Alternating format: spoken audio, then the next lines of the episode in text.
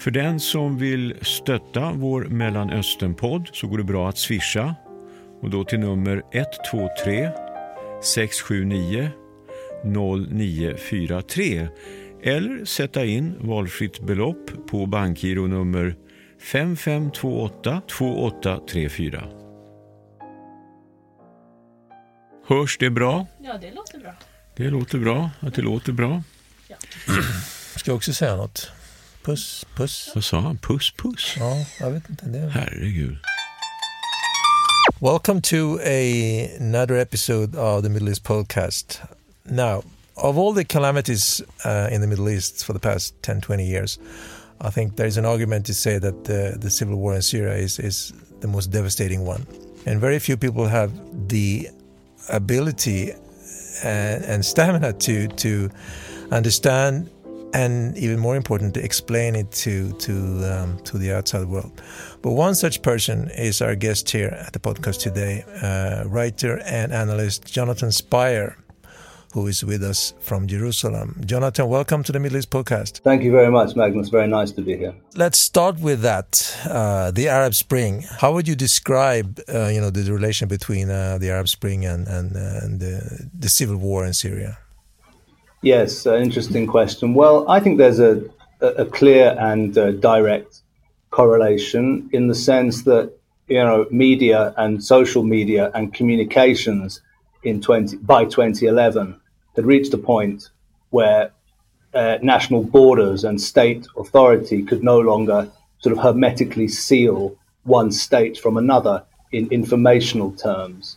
People could be maybe sealed physically, but they were able to, you know, to find out what was happening uh, elsewhere. And obviously, the uh, the wave of change began in Tunisia in late 2010, and then rapidly spread to Egypt in early 2011. And I think many of us who were Syria watchers at that time and Syrians in exile who we were in contact with were kind of waiting, you know, to say, okay, something will come to Syria because if this wave of change against repressive regimes is has any meaning, you know, then surely it must have application also to Syria. Mm. So I think undoubtedly the young people who began the demonstrations in Dara province in southwestern Syria in February and March 2011 were, you know, clearly aware of what was happening in Tunisia and Egypt, clearly inspired by it and keen to try to replicate the relatively rapid uh, uh, deposings of the mm. dictators or leaders, Ben Ali in Tunisia, Mubarak in Egypt. As we know now, it didn't, of course, turn out that way.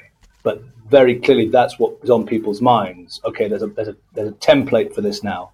Popular action can right. bring down regimes. We saw that in Tunisia, we saw that in Egypt. Now let's try it in Syria. That's what I think the young Syrians in southwest Syria were thinking. And then, of course, as you know, the demonstrations spreading rapidly from Dara mm-hmm. to take into account most of the main Syrian cities throughout the spring and summer of 2011. Without the without the trigger, I think of the Arab Spring, as was called, I mean specifically of Tunisia and Egypt, it's hard to see the events in Syria uh, following a similar pattern in that initial stage. But Jonathan, so in other words, would you say that in some ways the civil war is not yet over? Yeah, I mean, first of all, it's, it's important to remember where we are now. I mean, first of all, Syria is still divided, right? You know, right. The, the regime only controls around 60% of the country with around 30% in the hands of the Americans and their Kurdish allies, around 10% in the hands of Turkey and its Sunni jihadi and Islamist allies. So even in this respect, Assad has not yet planted his flag over the whole country. But I would say even yet more profoundly or more interestingly, even within the 60% that Assad controls, we already said there's still uh, opposition, but there's also the, the paramount role of both Russia and Iran as countries that entered Syria to save the Assad regime, they are still pursuing their own projects in the country. So I, my view of it is that to a great extent, the, the main product of the Syrian civil war is that the Syrian Arab Republic has to a great extent become a fiction and hmm. that Syria today is more of a geographical expression than a state and that within that state you have all kinds of wars of succession or conflicts of succession that were kind of triggered by the uprising, which maybe follow a quite different dynamic to the original uprising. And each or all of those conflicts of succession are far from concluded.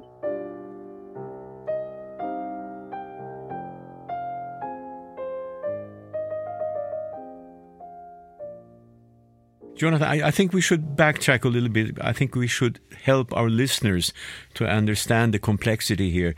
And, and I, I would like to put in the question what exactly can Russia and Iran gain being partners of Assad? I think that it would be hmm. good to have to clear that out.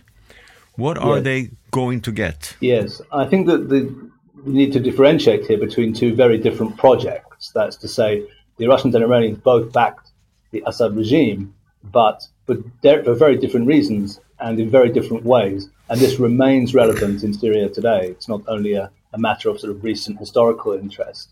Um, first of all, then, with regard to the Iranians, Iran, as is well uh, documented, is, is, seeking, has its project to emerge as the regional hegemon, as the, the dominant factor within the Middle East in two directions from Iran's borders. One is southwards towards the Gulf and domination of, they hope, eventually the Islamic holy places and the energy rich areas of the Gulf region, not of importance to us here for this discussion. The other direction is westwards towards the Mediterranean. That is to say that, first of all, there's a, a simple or clear geostrategic element to this. Persian empires have been seeking to reach the Mediterranean, as I know that you are aware, uh, since antiquity it's, it's almost a natural and inevitable desire of, uh, of, of, the geostrategic nature of, of that country. Secondly, with the case of Iran, of course, there is the issue of Islamic revolution and the perceived sense that this regime in Iran has of itself as the kind of center of a regional and perhaps eventually global uh, process of Islamic revolution. In practical terms, what that means is that Iran seeks to dominate three countries, which are the three countries that separate Iran from the Mediterranean. And these, of course, are Iraq, Syria, and Lebanon. Now, uh, in, in 2010, 2011, Iran was already basically in control of Lebanon. That's to say, in 2008, the Iranian proxy in Lebanon, the Lebanese Hezbollah organization, settled the matter of power with its pro-Western opponents in the March 14th movement by, you know, brushing their opposition aside on the streets of Beirut in 2008 and dominating that country. In Iraq, in the same period of time, the uh, Iran supported forces were already on the rise and have since, I would say, come to occupy a, at least a, a, dominant, if not a completely dominant, uh, ownership of that country or large parts of it. For the project to work, however, Syria, as the central link, could not be relinquished. If you lose Syria, then your domination of Lebanon or of Iraq becomes a moot point, becomes of, of, of limited relevance. So, for this project of domination of the entire ground area all the way to Mediterranean, Syria had to be preserved.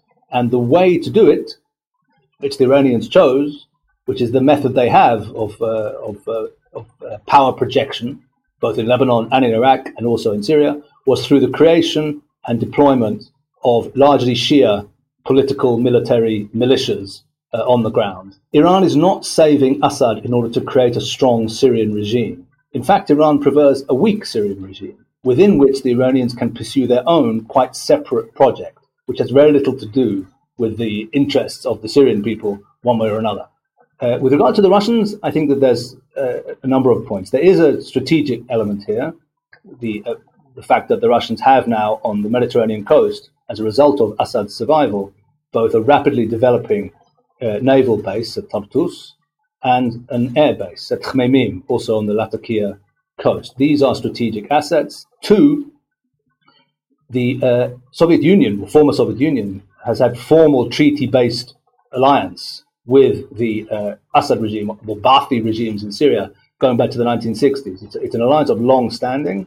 And I think Putin was very concerned to demonstrate to the world, unlike the United States, which was perceived to have abandoned allies at their moment of need in Tunisia and in Egypt, you know, if you were aligned with Russia, with Bashar Assad, Russia will do everything in its power to keep you in your uh, seat. The third thing I think is that uh, you know Syria has proven a, a good uh, demonstration ground for the new Russian army and new Russian weapon systems, a way of demonstrating that Russia is back as a you know geopolitical uh, power. So I think this was an important element to it uh, to it as well. I don't think there's more than that in terms of the idea that Syria is kind of footholds for the Russians now to push further into the Middle East. When, when we're talking about the uh, external foreign actors here, let, let, us go over to uh, to the next door neighbor, Turkey, uh, which is also yeah. deeply involved here. And and it seems to me that uh, for them, you know, a major reason for their involvement is, of course, to to to to to to, uh, to squash the, the the Kurds, to keep them down. you think that that the Russian uh, Russian Turkish conflict here uh, is is something that we will see more of. If there are any strategic goals here, except keeping down the Kurds, what would they be, and how would that play out in, in relation to Russia?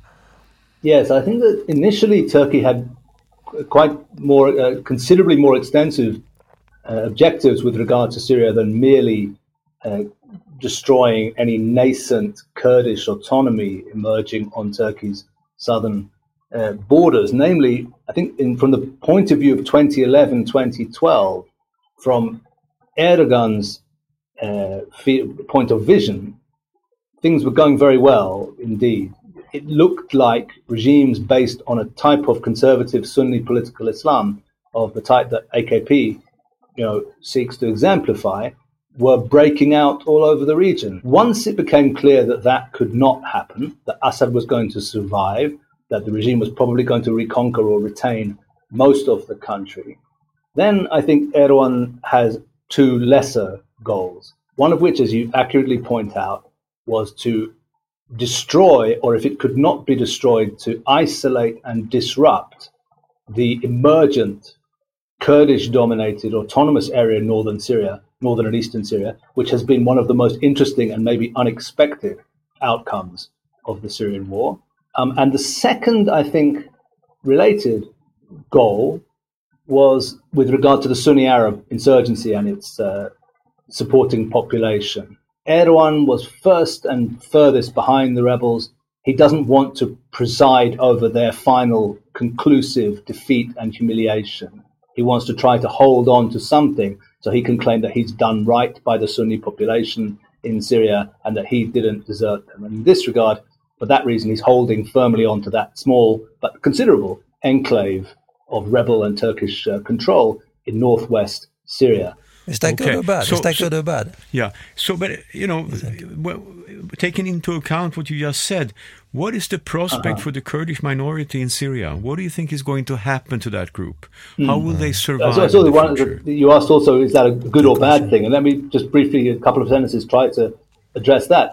Look, from my own point of view, as a as a long time observer of, of this stuff and, and resident of the Middle East as well, I do think that there was something fundamentally fragile uh, about these entities that were called the republics of Syria and Iraq, which were organized on quite similar lines, namely that you know borders were drawn by Western uh, governments over the corpse of the Ottoman Empire, and then notionally self-proclaimedly Arab nationalist regimes were installed themselves in power in the capitals of Damascus and Baghdad. And then, because of the very, very heterogeneous nature of the populations of those countries, there was something fundamentally inauthentic or unsound about that arrangement, so that they could only be kept in place by the use of often very, very brutal force. This was the case in both, I would say, Iraq and in Syria. From this point of view, the partial fragmentation of those countries, at least to some degree, into entities more representative of the actual populations in the countries, is, is a good thing, I think. Now, of course, you can argue, and correctly, that some of the entities that were born along those lines in the course of the last decade were you know, monstrous entities, maybe even worse than the Assad or Saddam regimes, certainly no better. For example, most obviously, the so called uh, Islamic State or the Islamic State uh, created in 2014 by the ISIS organization. That's true too. So I don't anywhere wish to, you know, this is not in anywhere an idyllic situation. But there is a certain sense in which reality is imposing itself on an artificial uh, organization of, of power in both countries. And this, I think, ultimately is probably a good thing. Now, to get to the Kurdish issue, I think most unambiguously, this is a positive process. If we turn to look at the Kurdish minorities, both in Iraq and in Syria, both in the sense that the Kurds were the most uh, obvious victims of the process of being forced into notionally Arab nationalist states, which you know, more or less completely sought to suppress Kurdish national, certainly, and even ethnic and linguistic uh, forms of expression. They were the main victims in a certain sense. So it's an unambiguously good thing that they're managing to claw back some level of national and cultural self expression. It's also worth noting, for various interesting reasons, that in both the Iraqi and the Syrian cases, the entities that the Kurds have created, whilst they are imperfect, certainly, are probably the most peaceful and best governed areas of the notional mm-hmm. countries in question.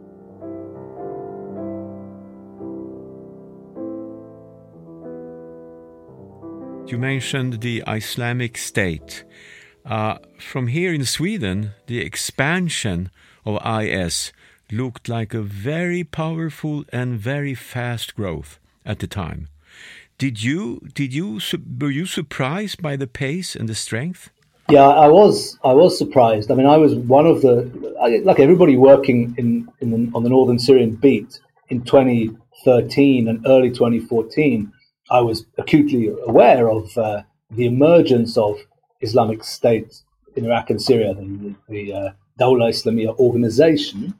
Um, most of us at that time, and me definitely included, just thought of them as a particular manifestation of what we discussed earlier, which was the domination of the insurgency by Sunni Islamist elements.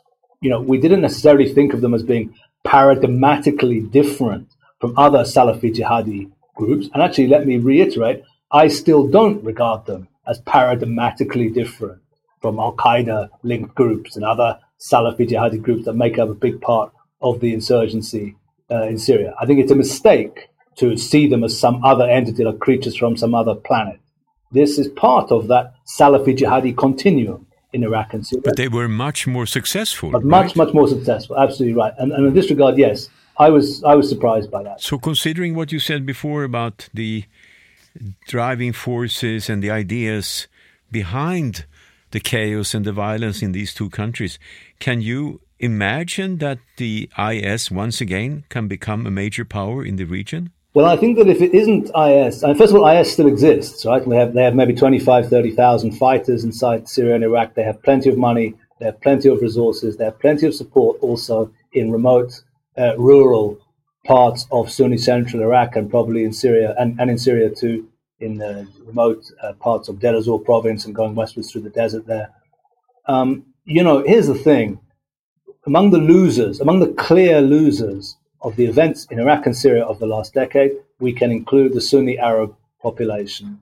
Right? If we if we put aside the kind of sense we have in in the West of ISIS as some you know organization of Satan or something, and just think about it as a Salafi jihadi insurgency for a moment, then the uh, then the Iraqi and and Syrian Sunni Arabs have basically pursued two projects in the last ten years in Iraq and Syria. One was the Syrian rebellion, you know, the Syrian insurgency, and the second was Islamic State. And what they have in common is they've both been completely unsuccessful. So what you have here is you have a large, youthful Sunni Arab population, significant minority in Iraq, majority still in Syria, which has been defeated, but it hasn't disappeared, and it's not got a good uh, uh, uh, situation now vis-a-vis the authorities in either Baghdad or Damascus, which means it's going to be susceptible to, I think, to the appeal you know, of this or that uh, revolutionary or insurgent organization in the period ahead? Will it be the surviving structures of Islamic State? Will it be Al Qaeda linked groups such as Hayat Tahrir Sham, Huras al Din, and, and others in Syria? Will it be some other structure that we haven't yet heard about? It could be any of those, but it will be it will be somebody. Somebody will, at a certain stage, begin to organize among the Sunni Arabs of Iraq and Syria, because you know there's plenty of them. They're dissatisfied, and they will be looking for an organisation to which can represent them. I think it's almost uh, so inevitable. You think this is? You, you really think this is going to happen? You know, this is something that you can see. Uh, because there's such a pool of, of, you know disgruntled people around here. No, I think it will happen without without question. I think that the the task facing Western policymakers or others who, who don't want that form of opposition to be you know Salafi jihadi and insurgent and horrifying in nature you know, should be perhaps to try to identify those Sunni Arab forces which can represent some other some other uh, approach. Um, this is maybe a, a, task for policymakers, but that the, the notion that the Sunni Arabs will just kind of vanish as players in Syria and in Iraq indefinitely, I think is not uh, is not realistic. It'll they'll come again. I want to move into something a little bit different. Uh, I, I'm, I'm curious to find out how can we explain the sad, slow, and it seems inevitable disappearance of minorities in these countries, including Jews and Christians. Mm-hmm. Will only the Kurds be left in the end? Yes, it's an interesting question. Well, I think that, uh, you know, as we have seen political organization in large parts of the Arabic speaking world, with the partial exceptions, I would say, of uh, both the Gulf and North Africa for reasons of their own, but, but across the, uh, you know, the, the, the Levant and Mesopotamia, we can be, be specific, political organization in the Arabic speaking world has taken on mainly two forms in the post imperial, post colonial uh, uh, period. One is chauvinistic, uh, chauvinistic and Islamic tinged uh, so called Arab nationalism, which was then replaced by uh, openly expressed political Islam. These have been the two major trends to emerge in the course of the last half century, we can say, in or more, 70 years, 80 years now, in the Levant and Mesopotamia areas. Levanten som eh, Jonathan nämner här är en gammal beteckning på länderna i östra medelhavsområdet, inklusive Syrien, Irak, Israel och Libanon. Mesopotamien är ett gammalt namn för Irak. Um, neither of these out of these trends have anything to offer to regional minority groups. They don't have anything to offer to, to ethnic minority groups, such as the, the Kurds, who have been repressed by them throughout, unsurprisingly. And they have nothing to offer to what would you call ethnic or ethno religious groups like Jews, and they have nothing to offer even to religious minorities such as Christians. Now, of those three, unsurprisingly, it is the Christians who have made some kind of an effort, at least, to reconcile, at least with nationalism, not so much with Islamism, because Arab nationalism, at least purportedly, offered to Arab Christians the chance of emphasizing their Arab identity over their religious identity and finding a way in. So we can find examples now vanishing among Christian minorities of an attempt to accommodate to those trends. To Kurds and to Jews, these uh, these trends never offered anything, and as a result, we've seen you know, the already basically complete ethnic cleansing of the Arab world of, of Jewish population, and the and the slow motion, I would say, ethnic cleansing of Christian population.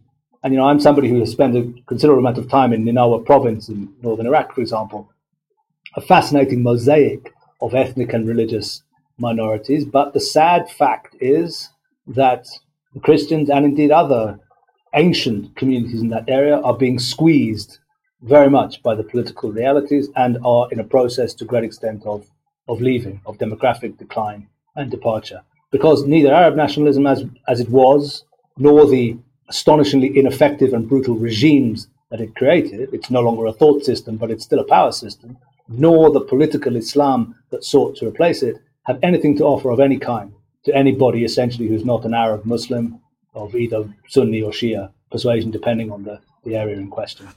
Oh, and on that happy note, we can't, we can't, we can't, we can't, we can't, we can't finish with that. Uh, just, just uh, one final you've been since you wrote uh, your book uh, days of the fall and uh, you know stuff has been happening is there any anything any uh, any event any occurrences that you would highlight as some kind of of, of, of positive uh, uh, development is there anything we can sort of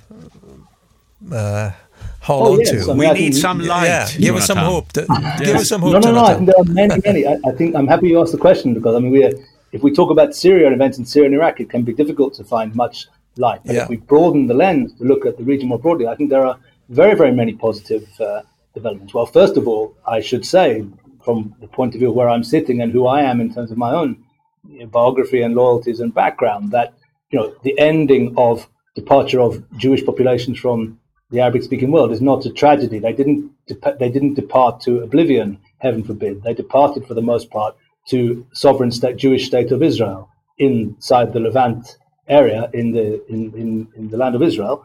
And I would say that Israel's success, societally, economically, politically, and where necessary, militarily, is, is a, a point of great uh, positivity.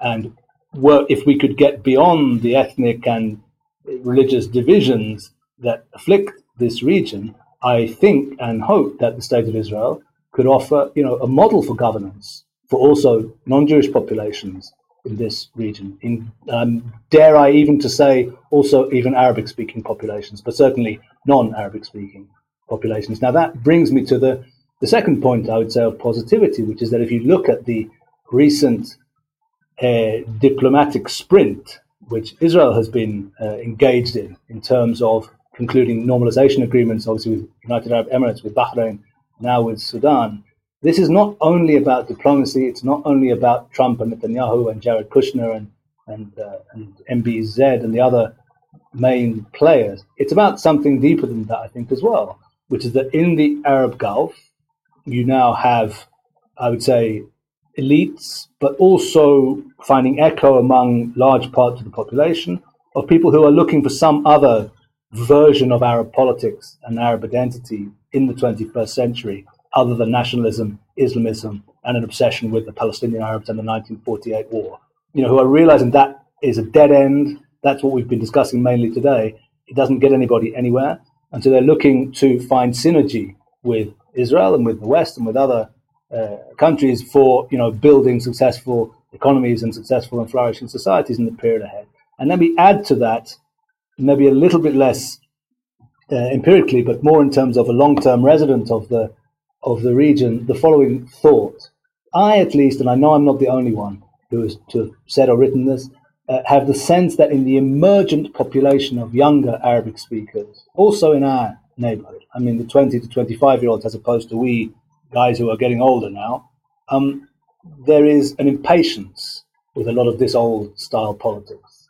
And that includes an impatience with the role of religion in politics, with the role of chauvinistic nationalism, there is a very great individualism among the emergent generation, and there is a very great desire for self realization and self advancement. And those, I think, are things to feel positive about. Excellent. Well, that that was a much happier note to, to end this this, Thank this conversation. You.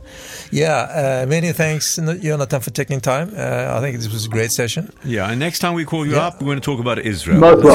Yeah, exactly. Whenever you. okay.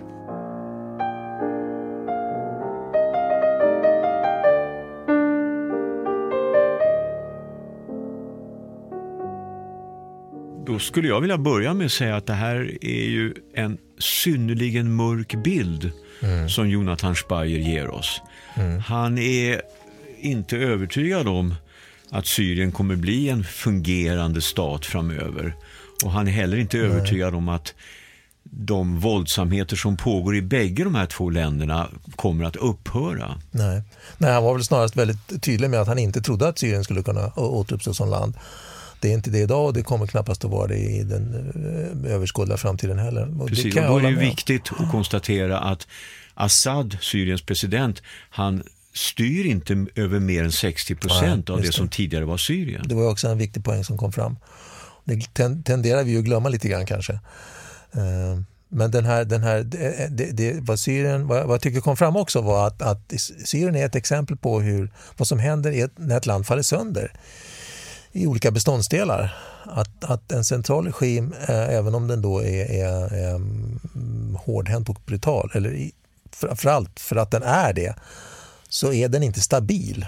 Utan, utan även om den tar till våld så blir slutresultatet inte nödvändigtvis att regimen så att säga, återuppstår och får, och får kraft att styra landet. Tvärtom, utan det kan bara bid, det bidrar till snarast att, att upplösningen blir, blir större fast den kanske inte blir lika tydlig.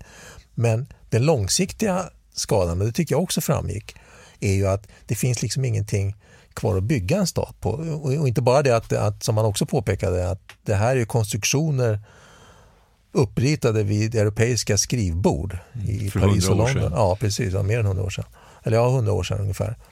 Och att det i sig var en, en, en, en skakig statsbildning. Um, och den tog ju inte hänsyn till till exempel minoriteter och det fanns liksom ingen, ingen, ingen grund att bygga på. Och det är möjligen en, en läxa som man kan ha med sig i andra sammanhang också.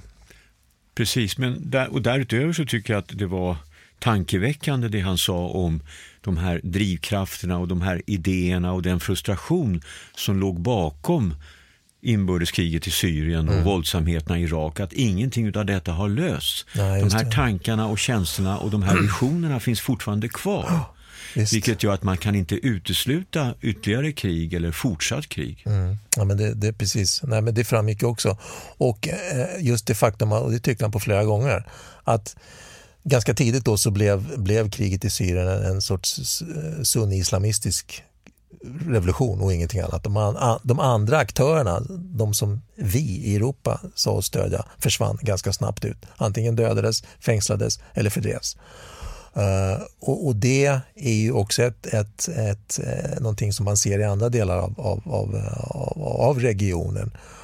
Och det är ju dystert när han pekar då på de här två olika så att säga, koncepten, det som växte upp eller som växte fram efter, efter, efter den koloniala perioden då, att, att det var inga lyckade stats uppbyggnadsförsök. De har inte givit någonting egentligen, eh, definitivt inte till minoriteter, men egentligen inte heller till befolkningarna i sig. Och det enda man kan, det man kan säga då är väl möjligen att hans, hans, hans, hans slutpoäng där, när vi frågar någonting positivt, var att jo, men det finns krafter som ändå ser att det här, det här har nått vägs ände. Vi behöver, vi behöver se, på, något annat, se på, på, på det här på ett annat sätt. Det finns sådana krafter. Frågan är om, om de är tillräckligt starka. Det är mer tveksamt då, skulle jag tro. Okej. Okay. Någonting sånt. Ja.